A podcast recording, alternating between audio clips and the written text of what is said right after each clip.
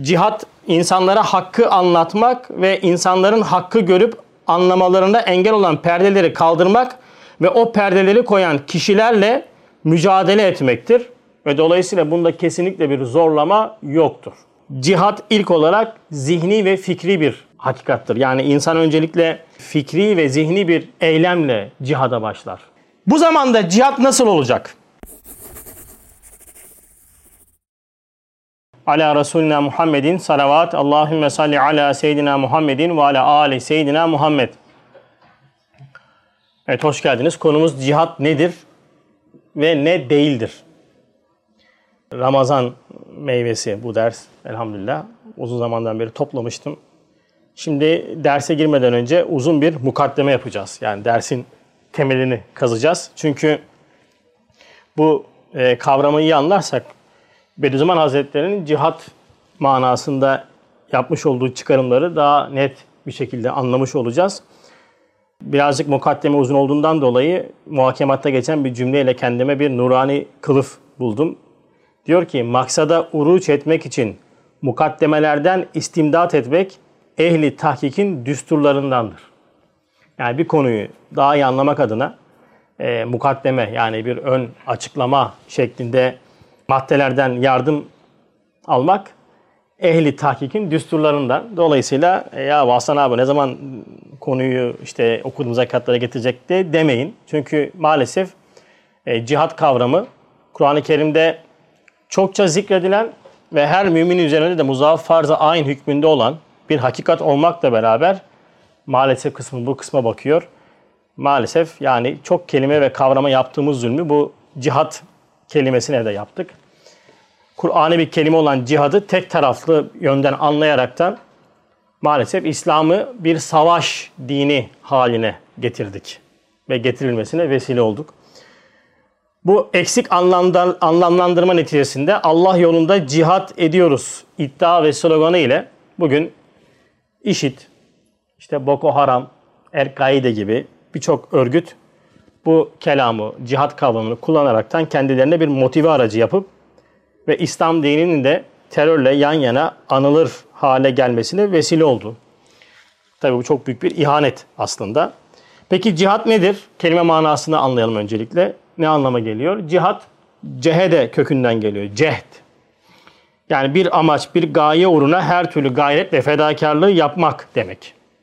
Yani bu noktadaki tabi özellikle ilahi kelimetullah yolunda çok kullanılan bir kelam bu cihat ama yalnızca ilahi kelimetullah bakmıyor. Bir amaç, bir gaye uğruna aşırı derece yoğunlaşarak çalışma yapmak, fedakarlık yapmak, maddi manevi fedakarlık yapmak.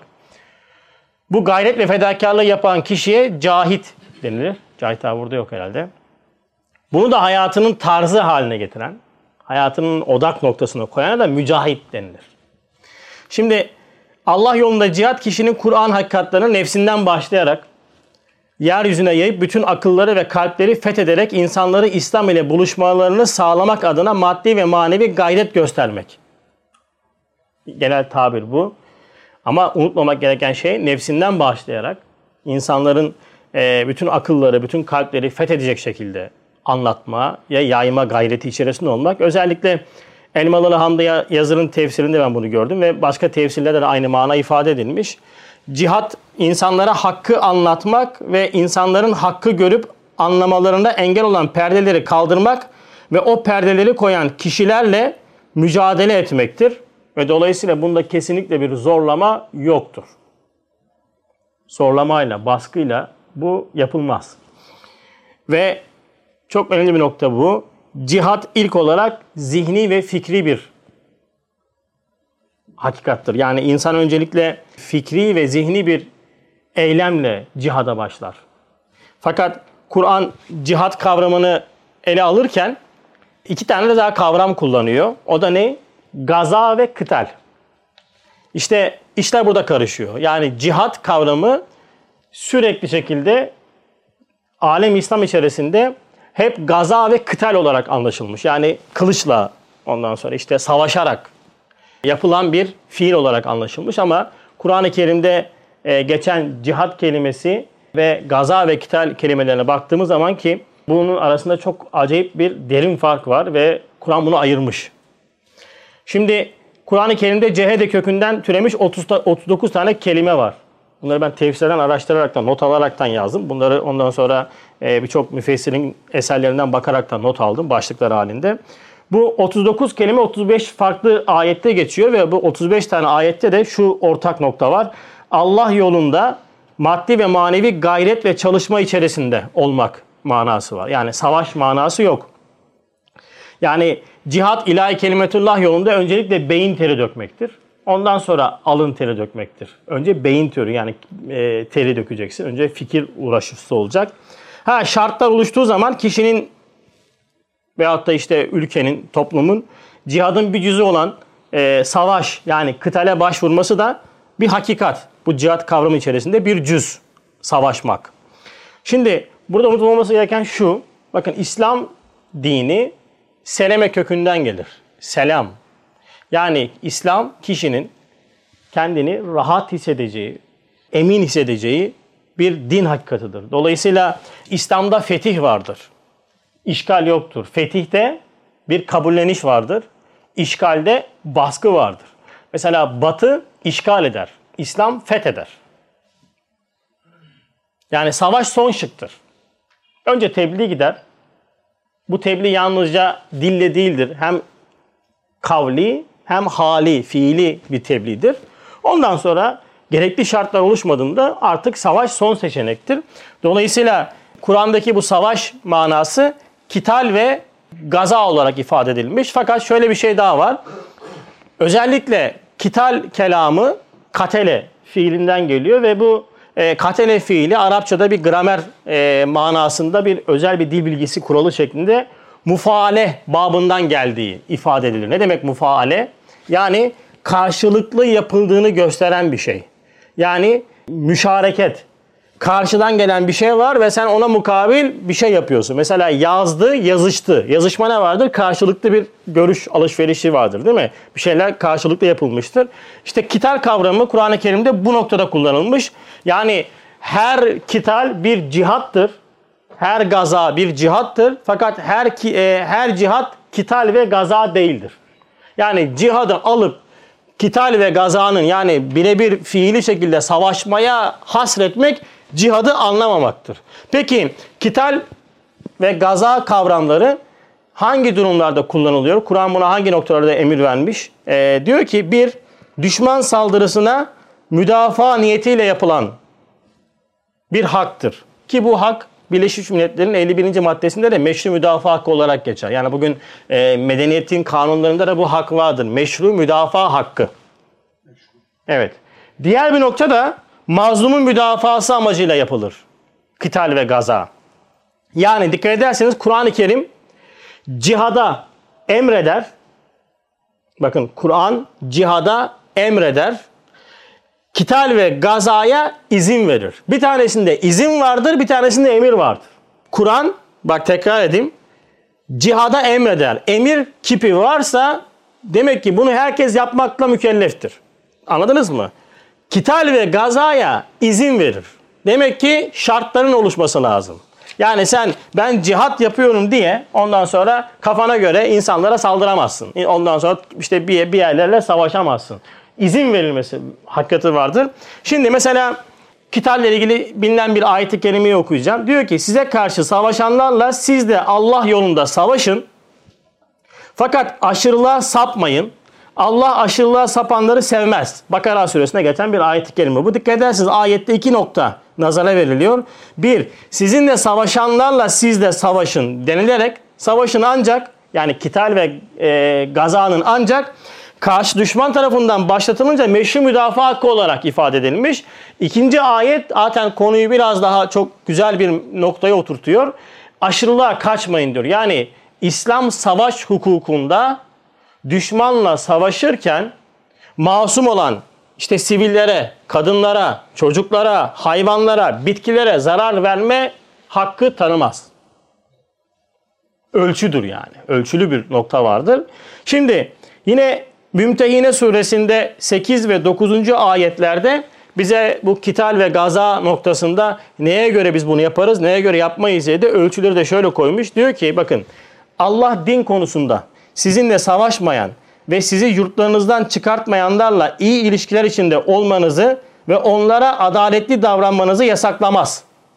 Allah adaletli olanları elbette sever. Yani e, Hristiyan, kafir işte fark etmez hangi dinden olursa olsun. Yani tahrip edilmiş şu anda hak din olan İslam'a tabi olmamış, Kur'an'ı dinlemeyen, e, davet icabet olmayan, değil mi? Daveti reddetmiş olan kafirlerle hangi dinden inanıştan olursa olsun ki ben ona din demek istemiyorum. inanış olarak ifade edeceğim. İnanış olursa olsun bizim eğer bizim dinimize karşı bir saldırı yapmadıkları takdirde onlarla iyi ilişki kurmamızda bir sakınca yoktur. Hatta iyi ilişki, iyi ilişki kurmak zorundayız.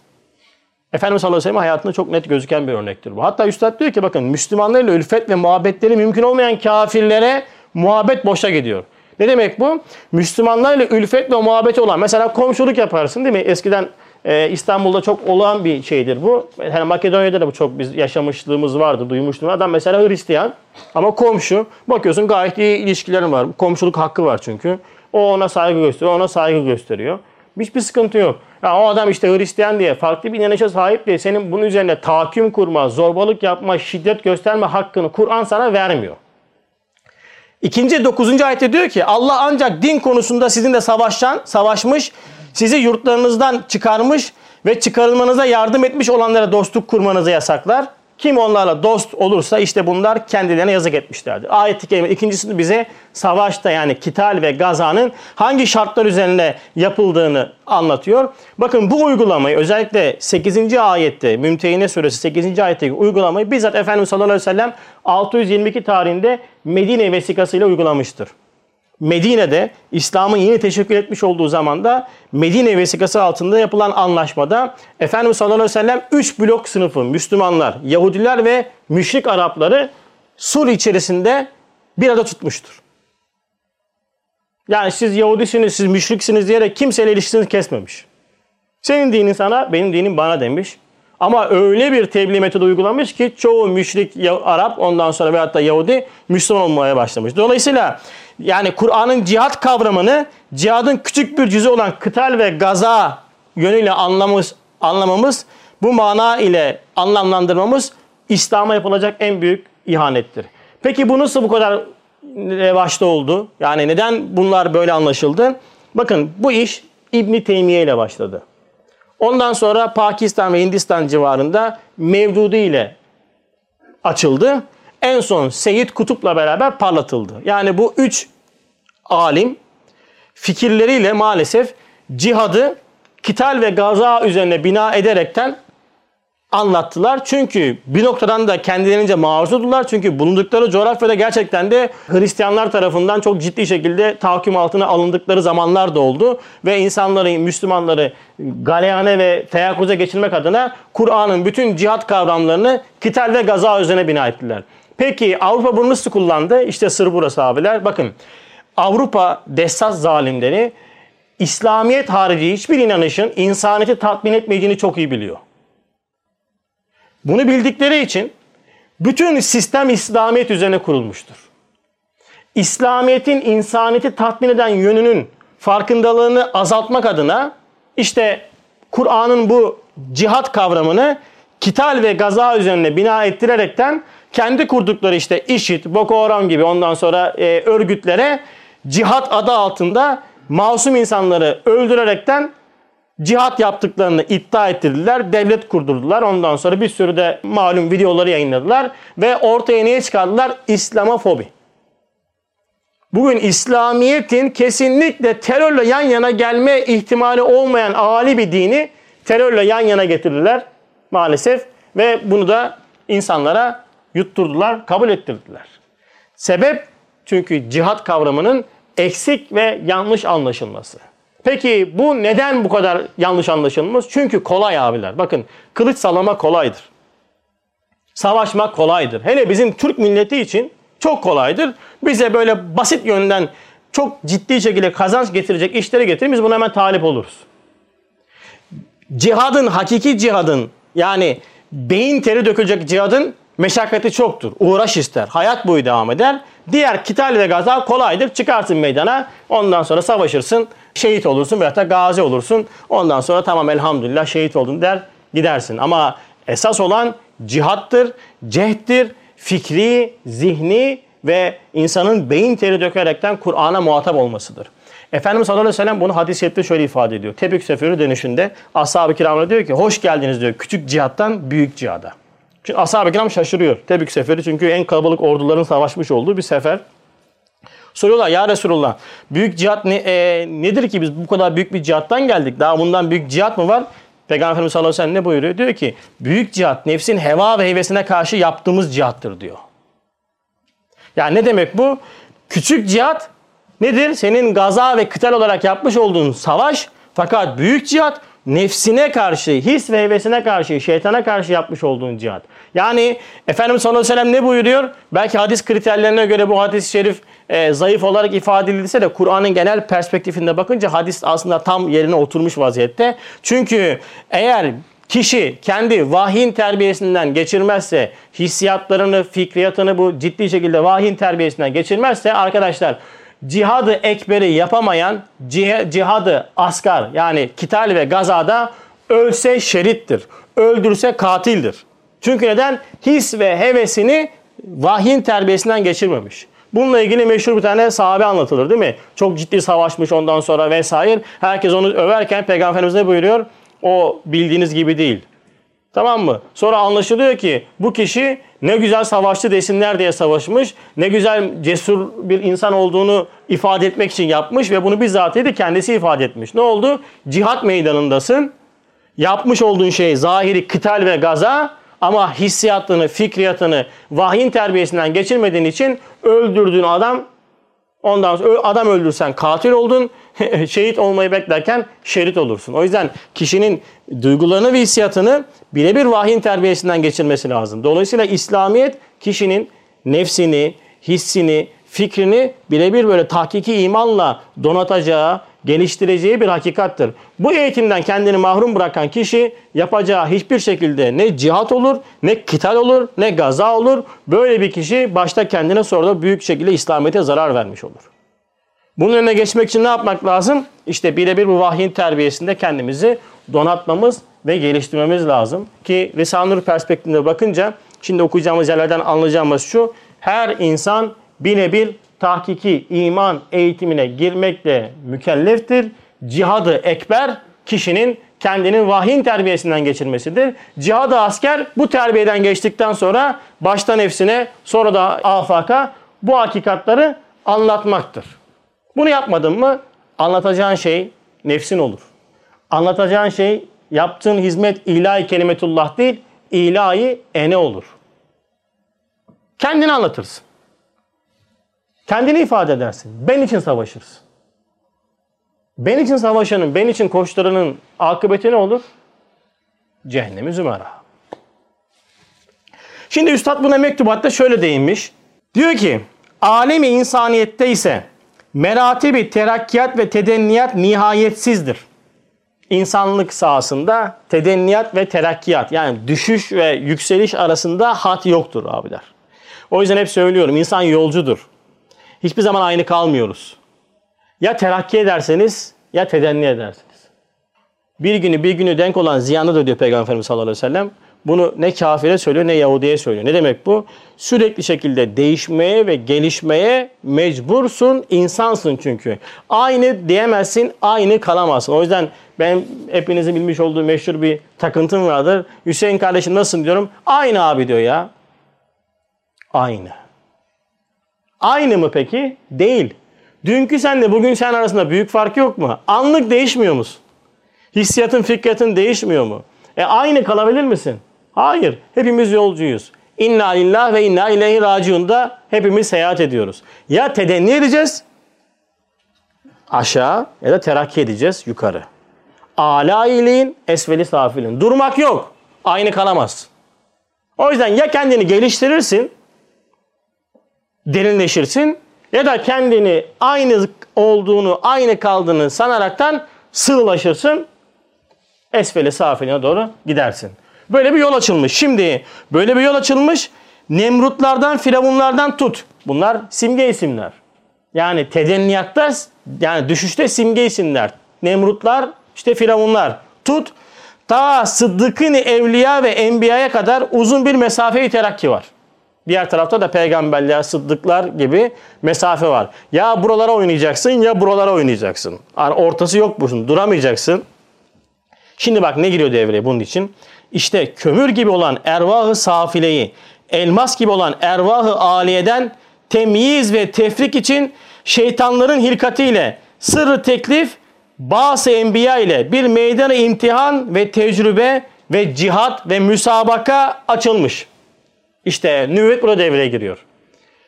Din, abiler bakın din beşere problemdir. Beşere problemdir. İnsana nimettir. Ne alakası var? Beşer ne, insan ne?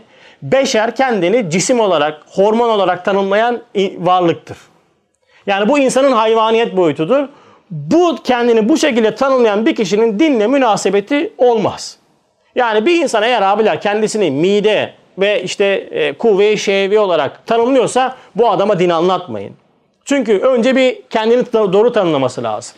Yani insanlığın farkına varması lazım. Yani melekut boyutunun farkına varması lazım. Kalp, ruh, aklın farkına varması lazım. Bu adam bunun farkına kabul bunu bilip kabul ediyorsa tamam din konuşalım. Öteki türlü zorlama olacak.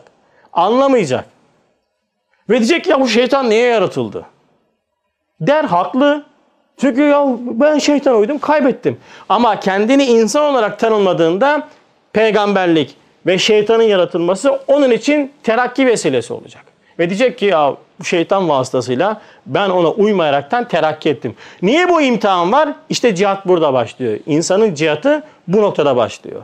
Yani ya kömür olacaksın ya da kömürün içindeki elması ortaya çıkaracaksın. Biliyorsunuz kömürle elmas aynı maddeden türetiliyor. Elmas ortaya çıkması için kömürün yanması lazım. İnsan nefsani his ve arzularını, heveslerini yakması lazım ki içerisindeki elmasa ulaşsın. Bu da ancak şeytanların yaratılması ve peygamberlerin gönderilmesi, din hakikatin ortaya çıkmasıyla olur. Şimdi böyle bir mücahade ve müsabaka olmasaydı madeni insaniyetteki elmas ve kömür hükmünde olan istidatlar beraber kalacaktı. Alay illiğindeki Ebu Bekir Sıddık'ın ruhu Esfeli safilindeki Ebu Cehil'le aynı olacaktı. Niye müsabaka meydan açılmış? Niye böyle bir imtihan sahnesi olmuş? İşte tefrik ediyor. Ayırıyor. Attı nübüvveti insanlık sahasına. Peygamberler geldi. Sonra şeytan yaratıldı ve terakki başladı. Terakki başladı. İnsan olanlar ayrıldı. Hazreti Ebu Bekir radıyallahu anh simge isim. İnsaniyetini beşeriyet seviyesinde kullananlar ayrıldı. Ebu Cehil, Ebu Leheb vesaireleri. İşte bu din hakikatinin ortaya çıkmasıyla oldu. Dolayısıyla din hakikati vahyin tebliğ ile insaniyet tanımlaması açılmış. Hem terakki hem tedenni yolları ortaya çıkmış. Şimdi her iki noktada da her an terakki var. Yani ne demek bu? ya müsbet manada terakki edersiniz ya da menfi manada terakki edersiniz. Ya esveli safiline düşersiniz ya da ala ildiğine doğru yukarı çıkarsınız. E peki nasıl olacak bu? İşte kendimizi nefis ve şeytanın ve şeytanlaşmış insanlara karşı cehd içerisinde olmak. Ne demek bu? Kendi fikrimi, hissiyatımı Kur'an'ın terbiyesinden geçirmek. Ve insanı kamil olmak. İnsanı kamilin özelliği nedir? net bir kavram. Sünnet-i seniyedir. Sünnet-i seniye nedir? Ölçüdür. Ne demek ölçü? Sünnet-i seniye Kur'an'ın insan üzerinde gözüken hakikatıdır. Sünnet-i seniye özeti ne derseniz benim anladığım mana çok hoşuma giden bir mana ölçüdür. Sünnet-i seniyede ittiba eden kişinin en büyük kusiyeti nedir? Ölçülü sever. Ölçülü kızar. Bak ölçülü sever, ölçülü kızar, ölçülü davranır. Sünnet-i seneye kaçtı mı aşırı seversin, aşırı adavet edersin. Ayarımız yok o yüzden. Sevdiğimizi ahla eline çıkarırız. Kızdığımız zaman da esfeli safiline indiririz. Ve bunu da maharetmiş. Ben sildim mi tam silerim. Niye siliyorsun kardeşim? Daha önce çok güzel yerlere yazmıştın. Yarın bir gün gene yazmayacaksın ne malum. Değil mi? Bu manada hadis-i şerif olduğu ifade ediliyor. Ben kaynağını bilmediğim için hadisi bir mana olarak söyleyeceğim. Kızdığınız zaman ölçülü kızının yarın dost olabilirsiniz. Dost olduğunuz zaman kişilerle ölçülü dost olun yarın düşman olabilirsiniz. Yaklaşma kardeşim. Bakın insan kendine bile fazla yaklaşmayacak. Ölçü. Sobaya çok yanaştın mı yanıyorsun. Uzaklaştın mı donuyor. Ne yapıyorsun? Bir yer buluyorsun böyle tam kıvamında diyorsun. Oh çok güzel oldu diyorsun. İnsan da böyle. Yani bunu her noktada uygulayabilirsiniz yani. Eğer bu ölçüyü kaçırdığımız zaman o zaman insanı kamil olmuyorsun. E, çok dindar olmak zaten çok namaz kılmak değildir. Yani bir kişinin dindarlığı ikili mübaşiretlerde belli olur. Hep söylüyorum daha önceki fıtrat, ubudiyet manasında da söylemiştik. Yani bir insan çok iyi namaz kılması işte böyle e, zahiri, kılık kıyafetiyle İslamiyet'i yaşadığına bakmayın siz. İkili mübaşiretlerde belli olur o. Bu girdi mi devreye? Orada belli olur. Menfaat girdim orada belli olur. Hissiyat girdim orada belli olur.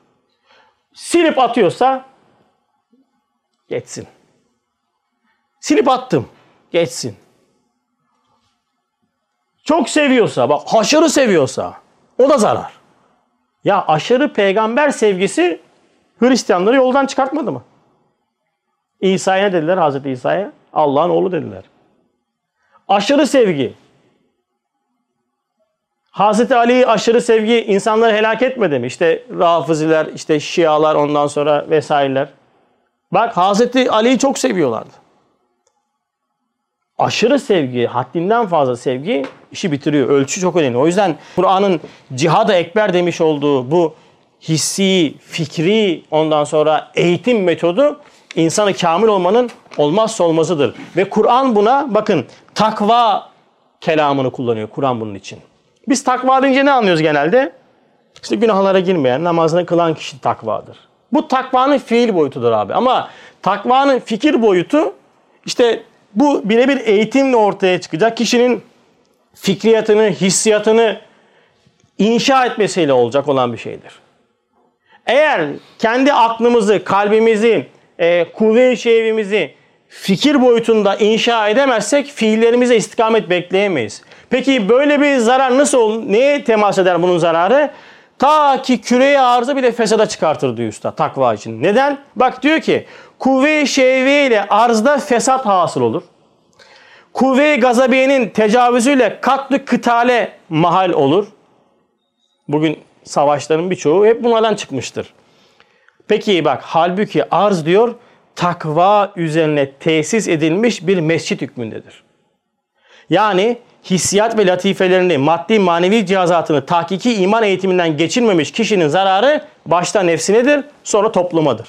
Böyle kişilerin oluşturmuş olduğu toplumda yani arzda fesat bitmez, kavga bitmez. Çünkü bu yapıda kendini eğitmemiş, hissiyatını, fikriyatını eğitmemiş kişilerin en büyük savaşı kendi iç alemleridir. Darmadağınlıktır.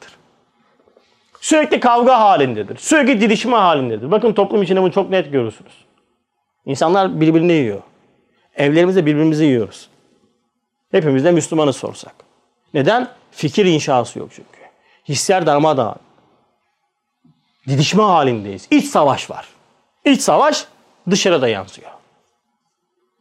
Genel dünya coğrafyasına baktığınız zaman hususen Müslüman ülkelerin iç coğrafyasına bakın savaş bitmez.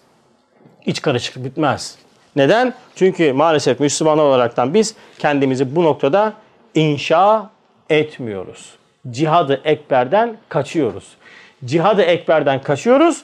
Cihadı ekberden kaçtığımız için bu cihadı ekberi yapan insanlara yardım ederekten kendimizi kurtarmaya çalışıyoruz. Çünkü neden? Burada ciddi şekilde tahkik iman eğitimine sen destek vermiyorsun. Kitap okumuyorsun. Derslere katılmıyorsun. Al Hasan abi. Hizmette kullanırsın. Hasan abi zaten saltanat kurmuş burada. Tamam bu aa, saltanat devam etsin. Ver abi. Biz okuruz senin yerine. Fark etmez. Ver abi, ver abi. Ondan sonra sen rahatlatıyorsun kendini. Oh rahat. Kıl beşiği aç. Zaten biz de para veriyoruz işte tamam. Hasan abi de saltanatı kurmuş. Burada akıyor da geliyor da. Aa, ben seni uyandırır mıyım? Ama ne yapıyorum? En büyük ihaneti yapıyorum. Sen ne yapıyorsun? En büyük ihaneti kendine yapıyorsun. Sonra İslam'ı yapıyorsun. Ya. Ama şöyle yapaydı Hasan. Serkan abi para getirdiğinde mesela ki öyle bir şey yapmaz da. Ondan sonra böyle ki yaptığı ihtimalini verelim. tamam mı? Ee, Serkan kardeşim sen kitap okumuyorsun. Derslere iştirak, iştirak etmiyorsun. Ya senin paran bize lazım değil kardeşim. Sen önce kendi yapman gereken vazifeni derut et ondan sonra biz para işine bakarız. Para olmasa da olur. Etli pilav yemeyiz pilav yeriz ya ne olacak? Nohutlu pilav yeriz yani. Değil mi?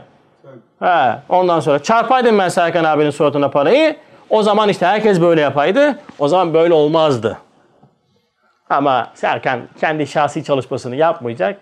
Yelpaze'nin evinden sıkacak parayı. Ben de saltanatı devam ettireceğim. Alacağım parayı. Ondan sonra bitmez. Ama bunu böyle kim anlatacak? Kimsenin işine gelmez. Kimsenin işine gelmez ama kızmaya gelince de ondan sonra bağırıp dururuz. Yani bu değil abiler. O yüzden birebir bakın İslamiyet birebir eğitim dinidir. Biz bu birebir eğitim dininin unuttuğumuz için maalesef tasavvufu ve cemaatleri de yanlış anladık. Tasavvuflar ve cemaatler metot öğretir. Metotla kişinin kendini geliştirmesini sağlar. Ben şeyimin eteğinden tutarım. Üstad Hazretleri'nin de ondan sonra sarından tutarım. Paçayı kurtarırım mantığını biz kendi dünyamıza yerleştirdik. Eğitimi kenara bıraktık. Üstadım böyle, Bediüzzaman Hazretleri böyle, işte falanca şeyin böyle. Sen ya biz diyor onun diyor eteğinden tutarız. Yalnız o da etek giydirmiyor haberiniz olsun. Entari de yok. Bir şey tutamazsın kardeşim. Ha şöyle olur bakın bu. Tarikatlar ve cemaatler, Bediüzzaman Said Nursi Hazretleri işte da farklı bir şey zaten bunu tavsiye etmez. O der ki bak şu metodu ben uyguladım. Kendi dünyamda istifade ettim. Senin benim istifade ettiğim hakikaten istifade etmen için kendin birebir çalışman lazım.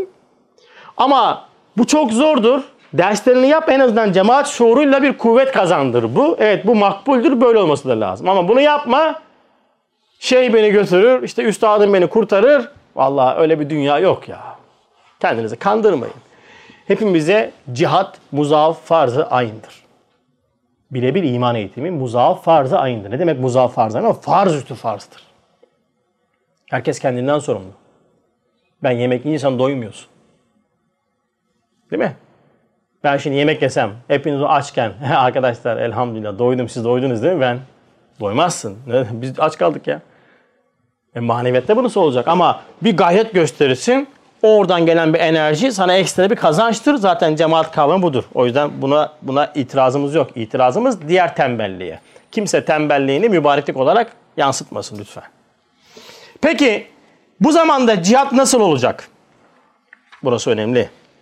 Yani e, Kur'an'ın ve onun tercümanı olan hadis-i şeriflere baktığımız zaman Kur'an'ı ve hadis-i şerifleri anlama cehdi göstermeyenler maalesef Kur'an'ın bazı tabirlerine bakaraktan e, bu cihat kavramını e, yine şiddete çevirmişler. Mesela bilinen, çok bilinen, çok kullanılan bir ayeti örnek vereceğim. Diyor ki ey peygamber kafirlere ve münafıklara karşı cihat et, onlara sert davran. Sert davran, cihat ve sert davran tabiri genelde özellikle o demiş olduğum alimlerin tefsirinden istifade eden güruh tarafından e, savaş ve öldürme olarak anlaşılıyor. Şimdi mesela şöyle bir şey desem. Türkiye Rusya'ya karşı sert tepki gösterdi desem. Aklınıza ne gelir? Değil mi? Diplomasi dili gelir. Yani nota vermiştir, uyarmıştır. Dışişleri Bakanlığı devreye girmiştir. Hiç siz topuyla, tüfeğiyle Türkiye'nin Rusya'ya saldırdığını ihtimal verir misiniz? Vermezsiniz. Doğru mu? Şimdi bu ayette geçen sert davran kavramını maalesef cihadın çok cüzi olan o kital ve gaza olarak anlamlandırılıyor ve silahla işte münafığı gördünüz vur. Bir kere münafığı tanıyamazsın. Efendimiz Aleyhisselatü Vesselam'a bile münafıklar ayetle bildirilmiş. Çünkü münafık kafirden eşittir. Münafık kafirden eşittir. Zaten en büyük tehlike odur. Pirincin içindeki siyah taştan kafirden korkmayın. Adam diyorsa ben inanmıyorum. O adam kendini belli etmiş. Pirincin içindeki siyah taştır. Ama en tehlikelisi pirincin içindeki beyaz taştır. Münafık beyaz taştır. Beyaz taştır yani. Senle beraber ağlar, düşmanla beraber sevinir. O yüzden ayırt edilmesi çok zordur. Hiçbir münafık da ben münafığım demez. En büyük münafıklık vasfını söyleyeyim ben size Kur'an-ı Kerim'in ifadesiyle. Der ki ben biz ıslah edeceğiz. Muslihun. ıslah edeceğiz. Biz fesat çıkartmak istemiyoruz. Onlar derler Kur'an ayetleri bu Bakara suresinde geçiyor. Diyor ki işte o zaman niye müminler beraber olmuyorsunuz vesaire. Ya o cahillerle biz beraber mi olacağız?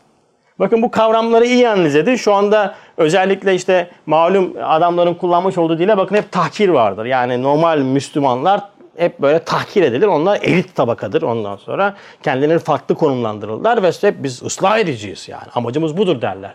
Münafığı ayırt etmek çok zordur. O yüzden kimseye münafık diyemezsiniz. Münafıklık vasfına sahip insanlar var mıdır? Evet vardır. Mesela bu hepimizde var. Yalan münafıklık vasfıdır abiler. Yani bugün yarın geliyorum deyip gitmiyorsanız yalan konuştunuz. Münafıklık vasfıyla vasıflandınız demektir. Bu sürekli hale gelirse münafık olursunuz Allah muhafaza. İnsanın suçlayacağı kişi aynanın karşısındadır. Münafık ve özellikle küfür, kafir ve çok yapılan bir hata. Şu anda maalesef mealle Kur'an'a muhatap olabileceğini iddia edenler tarafından alemi İslam içerisindeki en büyük tehlike maalesef tekfir kafasıdır. Sanki bunlara biri hedef vermiş. Günde 50 kişiyi tekfir edersen cennetliksin diye bir şey mi bulmuşlar? Ne bulmuyor? Böyle bir böyle bir iddia var? Ne bileyim ben. Yani çünkü adamların işi gücü tekfir. Sen bunu böyle dedin, kafirsin. Sen bunu böyle dedin, kafirsin. Bunu böyle dedin, kafirsin. Ya abicim ne zevk alıyorsun anlamadım ki kafir münafık. Ya sen bunu kendi nefsinde uygulayacaksın. Niye insanları tekfir ediyorsun? Şunu şöyle yaptın, böyle yaptığın için bak bunu böyle dedin bu ayette bak bu geçiyor diyor. Sen kafirsin. Ya emin olun kaç ay bizim derslere iştirak etmişler kardeş vardı genç. Tabi istikametsiz, her taraf olan bir adamdı. Bizim derslere iştirak ediyor ama bildiğiniz belki 3 saat, 4 saat mütalaa yaptığımız derslere katılıyor bu adam. Bir gün baktım durumunda böyle garip bir şey paylaşmış yani. Ya kardeşlerim bak sen böyle millete tekfir ediyorsun ama küfür, kafir demiş olduğun kişi eğer kendi küfrünü alelade şekilde ilan etmiyorsa ya ben Allah'a inanmıyorum veyahut da işte Resulullah'a inanmıyorum veyahut da iman hakikatinden bir tanesini reddetmedikten sonra zahir şekilde sen buna kafir diyemezsin. Eğer kafir dersen iki kişiden birisi kafir olur. Ya o kafir olur ya sen kafir olursun. Adam kafirim demiyor. O zaman sen kafir olursun. Bak dikkat et. Ne dedi biliyor musunuz? Abi dedi sen dedi böyle düşünüyorsan seni de tekfir ediyorum sen de kafirsin dedi. Allahu Ekber. Ki dedim ben de mi kafir oldum? Evet dedi abi sen de kafir oldun. İyi dedim ya o zaman yapacak bir şey yok. Ben dedim kafir değilim. O zaman dedim galiba sen kafir oldun. Artık ahirette gidip belli olacak kimin kafir olup kimin kafir olmadığı. Hristiyanlıkta afaros. Yahudilikte harem. Şu kafada da tekfir. Bu üç nokta. Dini manipüle eder toplumda. Kimseye böyle bir yetki verilmemiş. Sen kafir diyecek adam arıyor musun? Geç aynanın karşısına. Münafık da orada, kafir de orada. O enaniyetten ve nefsaniyetten olabilir mi abi? Yani enaniyet sebebiyle... Kardeş ilim oturmuyor be Recep. Bazısına oturmuyor. O yüzden fazla yüklenmeyeceğim bazına. Bazısının cahil kalması büyük bir ikramdır. Çünkü bazı cehalet ancak ilimle tahsil olunur. Bilmiyor, bildiğini zannediyor. Bak bilmiyor, bildiğini zannediyor. Adam bilmez de ben bilmiyorum der. Mesela kimseye de zarar olmaz. Adam cahil. Bunda problem değil. Buna her şeyi öğretirsin. Çünkü kafa boş. Alır. Ama adam öyle değil. Adam bilmiyorlar, bilmediklerini bilmiyorlar diyor üstad. Bilmiyor, bildiğini zannediyor. 3-5'te ayeti de zaten klasik onların böyle standart ezber ayetleri vardır. Onları çok kullanırlar. Enfal bilmem 96 o bu falan böyle ezberlemiş böyle tık tık tık yapıştırıyor. Kes kopyala yapıştır. Copy paste. tamam mı? Şimdi bu kafada ne anlatacağım bu adama yani? 3-5'te öğrenince bir şey böyle bir havalara giriyor tamam mı? Çünkü hazmedilmemiş ilim kişide enaniyet yapar. Bir kişi eğer okudukça, öğrendikçe dikleniyorsa bilin ki problem var bu adamda. Uzak durun bu adamda. Bu adamın İslamiyet'te yararı da olmaz, zararı çok olur, yararı da olmaz. O yüzden bu zamanda böyle silahla, zorla, şiddetle, öfkeyle, kanla, terörle işte bu ayetleri baz alaraktan İslamiyet'i dünyaya yayacağını iddia etmek tam bir cehalettir ve İslamiyet'ten uzaktan yakın alakası yoktur. Yine Üstad bu zamanda cihadın mahiyetini ve ne şekilde olacağını ve cihad hakikinin dahilden harici şekilde nasıl yapılacağını bak bir noktayla temas ediyor. Çok güzel bir nokta. Diyor ki bizim düşmanımız cehalet, zaruret, ihtilaftır. Üç nokta söylüyor. Cehalet, zaruret, itilaftır. Bu üç düşmana karşı sanat, marifet ve ittifak silahıyla cihat edeceğiz. Bugün bu üç nokta maalesef alemi İslam içerisinde hala hazırda en büyük düşmanlarımız. Yani birisi cehalet, birisi zaruret, birisi itilaf. Şimdi bu üç noktaya karşı üç tane çare. Nedir? Cehaletin karşısında marifet, zaruretin karşısında sanat, itilafın karşısında ittifak. Şimdi cehalet ne demek? Cehalet bugün alem İslam'ın kronik hastalığı abiler. İlk emri oku olan bir kitabın mensupları olarak biz maalesef okumayı da bırakmışız. Kur'an da okumuyoruz. Kur'an'ı tilavet ediyoruz. Adamlar bizden daha iyi Kur'an okuyor biliyor musunuz? Bu gen muhabbetleri var ya şu anda çokça zikredilen. Bakın bu ayette geçiyor. Şeytan diyor ki ben diyor insanın diyor ayarlarıyla oynayacağım. Bu bapta ayet var. Adamlar şimdi insanların ayarlarıyla oynamaya çalışıyorlar işte. Nereden bu dersi alıyor? Kur'an'dan alıyor. Kur'an'ın bütün pan zehirleri aynı zamanda zehir olarak kullanılır. Yani Kur'an'ın toplumu birleştirmek için koymuş olduğu hükümleri ters kullanırsan toplumu bölersin. Mesela zekatı kaldır, toplumdaki dayanışmayı ortadan kaldırırsın. Faizi yasaklar, faizi teşvik ettin mi topluma zarar verirsin. Zinayı yasaklar, zinayı teşvik ettin mi toplumu bölersin. Yani bütün ıslah metotlarının tersi uygulanması otomatikman toplumu bitiriyor. Bugün adamlar bizden daha tahkiki Kur'an okuyorlar. Cehalet bizim en büyük sıkıntımız ve Kur'an'ın ifade etmiş olduğu bu şahsi tahkiki iman eğitimine kendimizi tabi tutmayınca maddi ve manevi sahada maalesef Avrupa'nın kölesi olduk. Özellikle maddi sahada Avrupa'nın kölesi olduk. Manevi sahada da bu cehaletle beraber kendimizi ne yaptık? İşte şeyhimize, üstadımıza e, sen söyle yamayıp hiçbir şahsi gayet göstermeden onların kemalatıyla kemalatlandığımızı zannederekten mukallidi ham olduk. Taklit ehli ham olduk. Bugün o yüzden onların ittifakına girmeye çalışıp sanatını ve marifetini. Evet şimdi bak oraya geleceğiz. Şimdi bu cehaleti bir halledelim. Bu virüsün antivirüsü nedir? Marifettir. Ne demek marifet? Maddi sahada ilim teşkil etmemiz lazım abiler. İlim ehli olmamız lazım. Şu gün İslam coğrafyasında ilmiyle anılan kaç tane alim var? Yok. Yok. Var mı? Çıkarın deyin şu var. Bundan önce olmamış mı? Bundan önce birçok alim hem hafız hem ondan sonra bakıyorsun ya matematik profesörü olmuş ya işte bir bilim ondan sonra dalında adını duyurmuş bir insanlar çıkmış. Şu anda çıkıyor mu? Çıkmıyor. Niye? Çünkü alem İslam maalesef kendini ilme kapatmış. İlim deyince aklına ne geliyor biliyor musunuz? Size söyleyeyim. El Eser gelir. İşte İran'daki kum gelir. İşte bizim de medreseler gelir. Burada ne okutulur? Genelde fıkıh okutulur. Biz maddi manevi ondan sonra özellikle maddi sahada ilim, manevi noktadan da cehd noktasındaki birebir iman eğitimini kenara bıraktığımız için maalesef artık Avrupa'nın maddi noktada gerisinde kalıyoruz. Manevi noktadan da mukallede ham oluyoruz. Ee, peki neden bunu yapıyoruz? Çünkü biz yaptığımız işteki ibadet kavramını yakalayamıyoruz. Bizim için din yalnızca camide yaşanır. Bizim için din yalnızca dershanede yaşanır. İşte medresede yaşanır. Eğer dünyaya girdin mi senin dindarlıkla uzaktan yakın alakası yoktur. Ama bu böyle midir? Hayır. İslamiyet keşiş dini değildir. İslamiyet hayat içinde bir dindir ve insanın çalışması ibadettir. Yeter ki marifetullah şuuruyla şuurlandırsın. Diğer tarafta zaruret. Ne demek zaruret? Mecburiyet. Şimdi insan eğer kendini vahyin terbiyesine tabi tutmazsa, nefis merkezli, beden ve haz merkezli yaşarsa bu haz merkezli bedenin kölesi olur ve tek derdi bu nefsi mutmain etmek olur. E, bu nefis doyar mı? Doymaz. Ne maddi ne manevi doymaz. İnsanın mahiyeti budur. E, şimdi gelir gider dengesi bozulunca, maddi imkanlar yetersizleşmeye başlayınca zarurettir diyerekten gayri zaruri birçok şeyi bize zarurettir diye yutturdular. Bakın biz bugün reklamlar vasıtasıyla manipüle eden insanlar olduk. Sen reklamlarda reklamı çıkan indirime giden ürünleri almakla mükellefiz hepimiz. Ben de çok yapıyorum. İndirime girmiş al. Lazım mı? Önemli değil. İndirime girmiş al. Al al al al evi dolduruyoruz. Sonra ay sonu geliyor bir bakıyorsun karta. Oo bu ne ya? Gelir gider dengesi bozuldu. Peki ne yapacaksın? Gider fazla, gelir az. İkinci bir işe girmek zorundasın. Zarurettir diyorsun, faize giriyorsun. Zarurettir diyorsun, harama bulaşıyorsun. Gayri zaruriyi zaruri hale getirdin. Ne oldun? Köle oldun.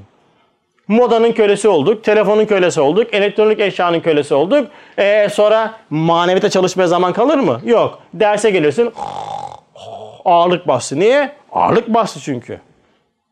13 saat çalışırsın, 1 saat kitap okuyamazsın. Neden? Çünkü kendine zaruri olaraktan görmüş olduğun şey nedir? Paradır. Bunu paylaştım ya. İban imandan önce geliyor maalesef abiler. İban derdi imandan önce geliyor. Derdi maişet, derdi ahiretin önüne geçmiş. Cenab-ı Hakk'ın kefil olduğu rızık endişemiz, Cenab-ı Hakk'ın kefil olmadığı iman endişemizin önüne geçmiş. O yüzden bizim en büyük derdimiz iban. İman değil. İmanı öne koyarsak derdi ahiret olur. Derdi ahiret olur da inşallah akıbeti hayır olur. Ama derdi maişet olanın derdi bitmez. Sonu gelmez. Dünyanın mahiyeti bu. O yüzden zaruret çok büyük bir sıkıntı. Peki bunun karşısında ne var? Bakın sanat var. Bugün çocuklarımızı okutmak için uğraşıyoruz değil mi? Bak size bir Hasan abim dersiniz, kardeş mi dersiniz? Tavsiye. Okutmayın kardeşim. Bu eğitim sisteminde çocuk yetişmez. Bak size söylüyorum, net söylüyorum. Gözünü KPSS'ye dikmiş, devlete sırtını dayamak için uğraşan bir kafa yapısından gelecek çıkmaz. Çocuğunuzu bir sanata verin. Boyacı olsun, sıhhi tesisatçı olsun. Bir şey üretsin çocuk ya. Üniversite okuyor. Ha işte bak tarihçi kardeş burada. Ne olacağım? Bekçi olmak için sıra bekliyor. Babam sen tarihçi olmuşsun. Ne işin var bekçilikte? Ama sistem bu. Sistem bu abim benim. Üreten bir toplum değiliz biz. Tüketen toplumuz. Bir şey üretmiyoruz. Üretmiyoruz. Boykota gelince de şunu şunu almayalım. Bir bakıyorsun listeye. Ulan onları almasak ne, neyi kullanacağız? Her şey adamların elinde. Her şey adamların elinde. Bunu kullanmayalım diyorsun. Bakıyorsun listeye falan bir diziyor hop. Abicim e, bu ne ya? Niye? Üretmiyorsun. Üretmemenin sebebi ne? Çünkü çalışmak zor geliyor. Hazır. Yut, hazır. Kullan. E, zaruret. E, sanatı da öldürdün. Toplum öldü. Bakın zaruretin karşında ne vardı? Sanat. Peki ihtilaf. Yine bizi kemiren bir sıkıntı. Ayetin ifadesi bakın diyor ki ihtilafa düşmeyin. Sonra diyor cesaretiniz kırılır, kuvvetiniz elden gider. Bu bir emir. Fakat bu emire rağmen aslında hakikati tenevvü esma olan farklılıklar. Mesela bendeki esma farklı, Sabri abideki esma farklı, Ahmet'teki esma farklı. Mesela bende ha, e, hafiz esması daha çok gözüküyor. Benim hafızam çok kuvvetli. İşte onda alim esması daha çok gözüküyor. Onda ilim daha kuvvetli. İşte kimisinde başka esma. Herkes farklı olmasıyla beraber toplum ihya oluyor. Aynı olmaz kimse. Şimdi bu tenevvü esma, esmaların farklılığı. Şimdi biz bunu ne yaptık? Takıntımızla, taassubumuzla beraber bir de Avrupa'nın da nifakıyla beraber ondan sonra aldık. Herkesi aynı yapmak ve bir yapmak için uğraştık. Bu bazen kendini ırkçılık olarak gösterdi. En iyi ırk Türk milletidir. İşte ne mutlu Türk'üm diyene, ne mutlu Kürt'üm diyene, o da Arap'ım diyene. Bak ırkçılık da bizi bitirdiler. Sonra geliyorsun mezhepçiliğe çevirdiler işi. Mezhepler dinleştirildi. Mezhebin hakikatini anlamayan insanlar mezhebi din gibi görmeye başladı. Tamam mı? Sonra geliyorsun biraz daha içi cemaatleşme. Cemaatler artık kendileri cem olan ve İslam'dan kopuk hale gelir hale getirildi. Maalesef. Bu iyi bir öz yapmamız lazım. Cemaat içerisinde de meşrepçilik. Cemaat içinde de ayrı bir gruplar var. Her cemaatin mesela başka bir grubu vardır. Ne oldu? Güç dağıldı. Kop kop kop kop kop kop kop ihtilaf esas oldu. E, peki bu virüsün antivirüsü ne? İttifak. Herkese ittifak mı edeceğiz? Hayır kardeşim bak. Esasatta ittifak olacak. Şeriattan taviz vermeyeceksin. Esasattan taviz vermeyeceksin. Ama teferruatta Ben takkemi 5 takmışım, sen beyaz takmışsın. Önemlidir kardeşim. İstersen mor tak. İstersen takma. Teferruat. Ama namaz, o namaz olmaz. Namaz olacak. Esasat. Bundan taviz yok. Ama teferruatta taviz var. Sen kendin kot, kot giy kardeşim. Yapacak bir şey yok. Sen bilirsin. Farz değil değil mi? Ben şalvar giyeyim. Tamam ne mutlu sana. Allah razı olsun. Esasatta ittifak, teferruatta kimseye bulaşmayacaksın. Diyorsun ki herkes kendi dünyasında esmasını inkişaf ettirsin. Ne olacak? Birleşim ancak bu şekilde olacak.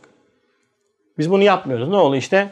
Bakıyorsun Araplar Türkler, Türkler Araplara düşman olmuş. Bakıyorsun meşrep, mezhepçilik olmadık diğer sahil mezheplerde işte Şialar e, Sünnilere düşman olmuş. Sünniler Şialara düşman olmuş. Geliyorsun bakıyorsun tamam mı cemaatler içerisinde o cemaat ona düşman, o cemaat ona düşman olmuş. Cemaat içine giriyorsun meşreplerin farklılıkları var. O ona sallıyor, ona sallıyor. E ne oldu? İtilaf ettin. Peki ne yapacağız? İttifak edeceğiz. O zaman işte taşlar yerine oturur. Ha, bunu yapmadın mı? Bitmez abi. Bitmeyecek de. Esas cihat budur yani. Bunu yapacak eğitime tabi tutmaktır kendini. Evet. Yine çok can alıcı bir noktayı temas ediyor. Diyor ki her mümin ilahi kelimetullah ile mükelleftir. Yani Cenab-ı Hakk'ın adını duyurmak, İslamiyet'i yaymakla mükelleftir. Fakat bu abiler harice yapılacak olan bir şey değildir. Önce enfüsten başlar, nefsinden başlar. Bunu kaçırmayın. Bu zamanda en büyük sebebi maddeden terakki etmektir. Şimdi e, acayip bir formatlıyor. Yani alem İslam'ın e, şeyini formatlıyor. Yani cihat anlayışını formatlıyor. Hiçbir hocadan, hiçbir tarikattan şunu duyamazsınız. Bu zamanda maddi olarak terakki edeceksiniz kardeşim. Normalde dünyayı terk etmeniz lazım. Üstad diyor ki hayır. Maddeden terakki edeceğiz kardeşim. Her Müslüman yaptığı işi en iyi yapacak. En iyi kumaşçı sen olacaksın. En iyi etiketçi sen olacaksın. En iyi işte e, ne yapıyorsan mesleğinde en iyi sen olacaksın. Ama işini iyi yapacaksın. Müslümanca yapacaksın. Esma ilahi anidarlık olarak yapacaksın. Maddeden terakki edeceksin. Maddeden terakki etmezsek bu zamanda cihat olmaz abiler. Yani yarın bir gün savaş olsa da köle olursun sen. Maddeden terakki olacak. Şimdi zira bak diyor ki ecnebiler fünun ve sanayi silahıyla bizi istibdadı manevileri altında eziyorlar. Ezmediler mi? Ezmiyorlar mı? Eziyorlar. Biz bugün Avrupa'nın maalesef kölesiyiz yani. Çünkü üretmiyoruz ki her şeyi oradan alıyoruz. Her şeyi oraya bağlıyız. Daha yeni başladık kımıldanmaya yani.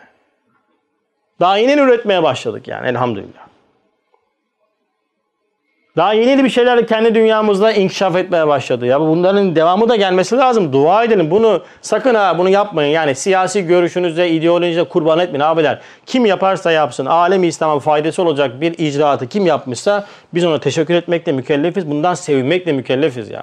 Olmadık yorumlar, siyasi ideolojiler üzerinde nice güzel icraatlara kin kusuluyor. Bakıyorsun ondan sonra adam siyasete saplanmış. Şimdi bir şey birkaç örnek vereceğim. Sonra diyeceksiniz ki Aa, Hasan Ağa Hoca buradanmış diyeceksiniz. O yüzden demiyorum. Anlarsınız siz. Arife tarif yeter. Tamam mı? Ya ülkenin, alem İslam'ın faydası olan bir şeye eğer sen sevinemiyorsan kardeşim kendini bir sorgulaman lazım. Adam kendi cemaatinin mensubiyeti yüzünden e, ülkenin, alem İslam'ın faydası olacak olan işlere düşmanlık gösteriyor ya. Cemaati yüzünden cemaati. Tamam mı? Böyle bir kafa yapısı olabilir mi ya? Kendi ideolojisi yüzünden sevinemiyor. Artık siyasi ondan sonra e, görüş ve cemaat sevgisi İslam menfaatinin önüne geçmişse artık sorgulanması gereken orada ya cemaattir ya o ideolojidir. Kim olursa olsun bu önemli değil. A parti, B parti, C parti. Burada parti mevzusu yapmıyorum zaten. Metodu anlatıyorum. Metodu alın uygulayın hayatınızda. Eğer yanlışsa da geri verin. Ahmet dinde zafiyet olan bir insan ama bir icraat yapmış ki ülkeye ve alem İslam faydası var. Bana ne Ahmet'in dindar? Ahmet'in dindarlığı kendini bağlar. Ben Ahmet'e teşekkür ederim ya. Hidayet için dua ederim ve buna sevinirim. Sevinmem lazım. Ya acayip bir şey ya. Bakıyorsun o kadar güzel icraatlara karşı adam kin kusuyor. Dönüyorsun alem İslam'ı sevindiren büyük bir hakikate karşı ne gerek var diyor buna. Şimdi bu ne, ne, nereye koyacağım ben bu kafa yapısını? Nereye koyacağım Allah aşkına ya? Bunu şeyle alakası yok ki siyasetle alakası yok ki ya. Bugün e, mesela deseler ki işte Kabe'ye gidiş Pasaportlar kaldırıldı. Adam buna bile problem çıkarır ha. Ki ulan bunların amacı başka falan. Bu kadar kafaya bize zihniyeti karanlık yani. Sair şeyleri siz taşları koyun yerine. Neyi ifade etmeye çalıştığımı.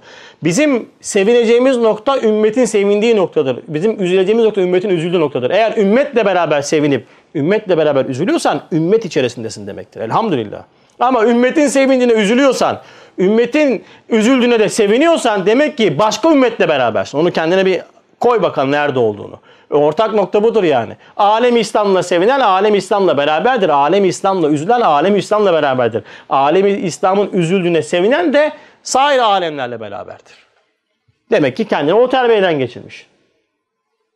Ecnebiler bizi ne yapmış? Tasallut altına almış. İstibdadı manevilerinde eziyorlar. Fakat bunun karşısında maddi terakkiyle duracağız. Şimdi cihadı harici. Peki harici cihat var. Onu nasıl yapacağız? Şeriat-ı garranın berahini katasının elmas kılıçlarına havale edeceğiz. Ne demek? Kardeşim bak devamında noktayı koyuyor. Diyor ki zira medenilere galebe çalmak ikna iledir. Söz anlamayan vahşiler gibi icbar ile değildir. Önce maddi terakki. Cihadı cihattaki kilit nokta maddi terakki. Üreten, fikir üreten, işte teknoloji üreten, işte sanat üreten bir toplum olma gayreti içerisinde olacağız. İnsanın içerisinde bu mahiyet gizlenmiştir ve bütün peygamberler insana bu noktada rehberlik yapan manevi rehberlerdir. Bak mesela birçok meslek sahibi mesleklerinde bir peygamberi pir iddiaz eder. Değil mi? Terziler İdris Aleyhisselam. Demirciler Davut Aleyhisselam. Saatçılar Yusuf Aleyhisselam. Değil mi? Bak bunlar bize maddi olaraktan da terakkiye rehberlik yapmışlardır. Müslüman okuyacak, Müslüman ilim öğretecek, ilim öğrenecek, fikir üretecek, teknoloji üretecek, üretecek. Maddi terakki olacak. İkinci adım. Peki insanları İslam'a nasıl davet edeceğiz? Ha, burası önemli. Kardeşim, harici cihatta metot iknadır. Bakın ikna. Burası çok önemli arkadaşlar. Bakın Z kuşağı diye ifade edilen internetle, sosyal medyayla büyüyen nesillerimize de bu formülü uygulamak zorundayız. Tehlike çok büyük. Zorlamakla, fıkıh kurallarına bina etmekle, haram helal diyerekten zorla mahalle baskısı şeklinde dini nesillerimize anlatamayız. Yapacağımız nokta şu olacak. İkna olacak. İkna. Önce insaniyetini tanıttıracaksın. İslamiyete ulaşması çok kolay olacak. Namaz kılman lazım değil. Namazı neden kılması lazım geldiğini insaniyetle özdeşleştirip anlatacaksın. Tesettüre girmesinin nedenini İslamiyet'in insaniyet üzerindeki hakikatini anlatmakla anlatacaksın. Neden tesettür lazım olduğunu bu şekilde ifade ediyor. Yoksa kapanman lazım, yanarsın, işte pişersin şeklinde ifadelerle icbar ile hiçbir şekilde din anlatılmaz. Sair insanlara anlatılmaz. Hele bu zaman insanına zorla anlatılmaz. Abiler bakın zorla, şiddetle hayvan bile eğitilmiyor ya. Değil mi? Sirklerde görüyorsunuz. Yırtıcı hayvanları işte çemberden geçiriyorlar. Bakıyorsun ki hayvan bir sıkışınca öldürmüş. Ama bakıyorsun işte özellikle bu e, Araplarda meşhurdur bu şeyde Dubai'de falan. Adam evinde aslan besliyor. Sevgiyle büyütmüş. Ha böyle devasa bir şey. Bakıyorsun güreşiyor falan filan. Aslan ona hiçbir şey yapmıyor. Bak birisi sevgiyle büyütmüş. Bir tanesi zorbalıkla büyütmüş. Eğer şiddet varsa isyan kaçınılmazdır. Ama bugün ama yarın. Eğer şiddete bina ederekten zorbalıkla din anlatırsanız, anlatırsak mutlaka isyan çıkacaktır. Çünkü fethi hakikatini unuttun. Çünkü bakın söz bile şiddetini arttırdığında tesirini kaybeder. Genelde biz bağırarak bir şeyler anlatmaya çalışırız ya değil mi? Bakın söz şiddetini arttırdığında tesirini kaybeder. Şimşek gök gürültüsü celalidir. İnsanın kulaklarını da bir şey yapar, e, rahatsız eder, korkutur. Yağmur cemalidir. Yavaş yavaş yağar. Ama hangisi hayatlandırır Allah'ın izniyle? Yağmur. Bağırarak, çağırarak, dikte ederek din anlatılmaz. Hiçbir şey anlatılmaz ama din hiç anlatılmaz. Ama biz maalesef ne yapıyoruz? Çoğu zaman şiddet tarzı söylemlerle, ikna yerine icbarla din anlatmaya çalışıyoruz.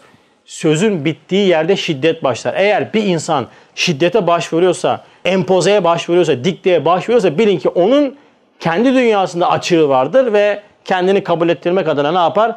Baskı yapmaya, şiddet et, göstermeye başlar, bağırmaya başlar. Özellikle Eminönü esnafı çok bildi değil mi? İngilizlere ve de yabancı turistlere yol anlatırken adam bir şey sorar.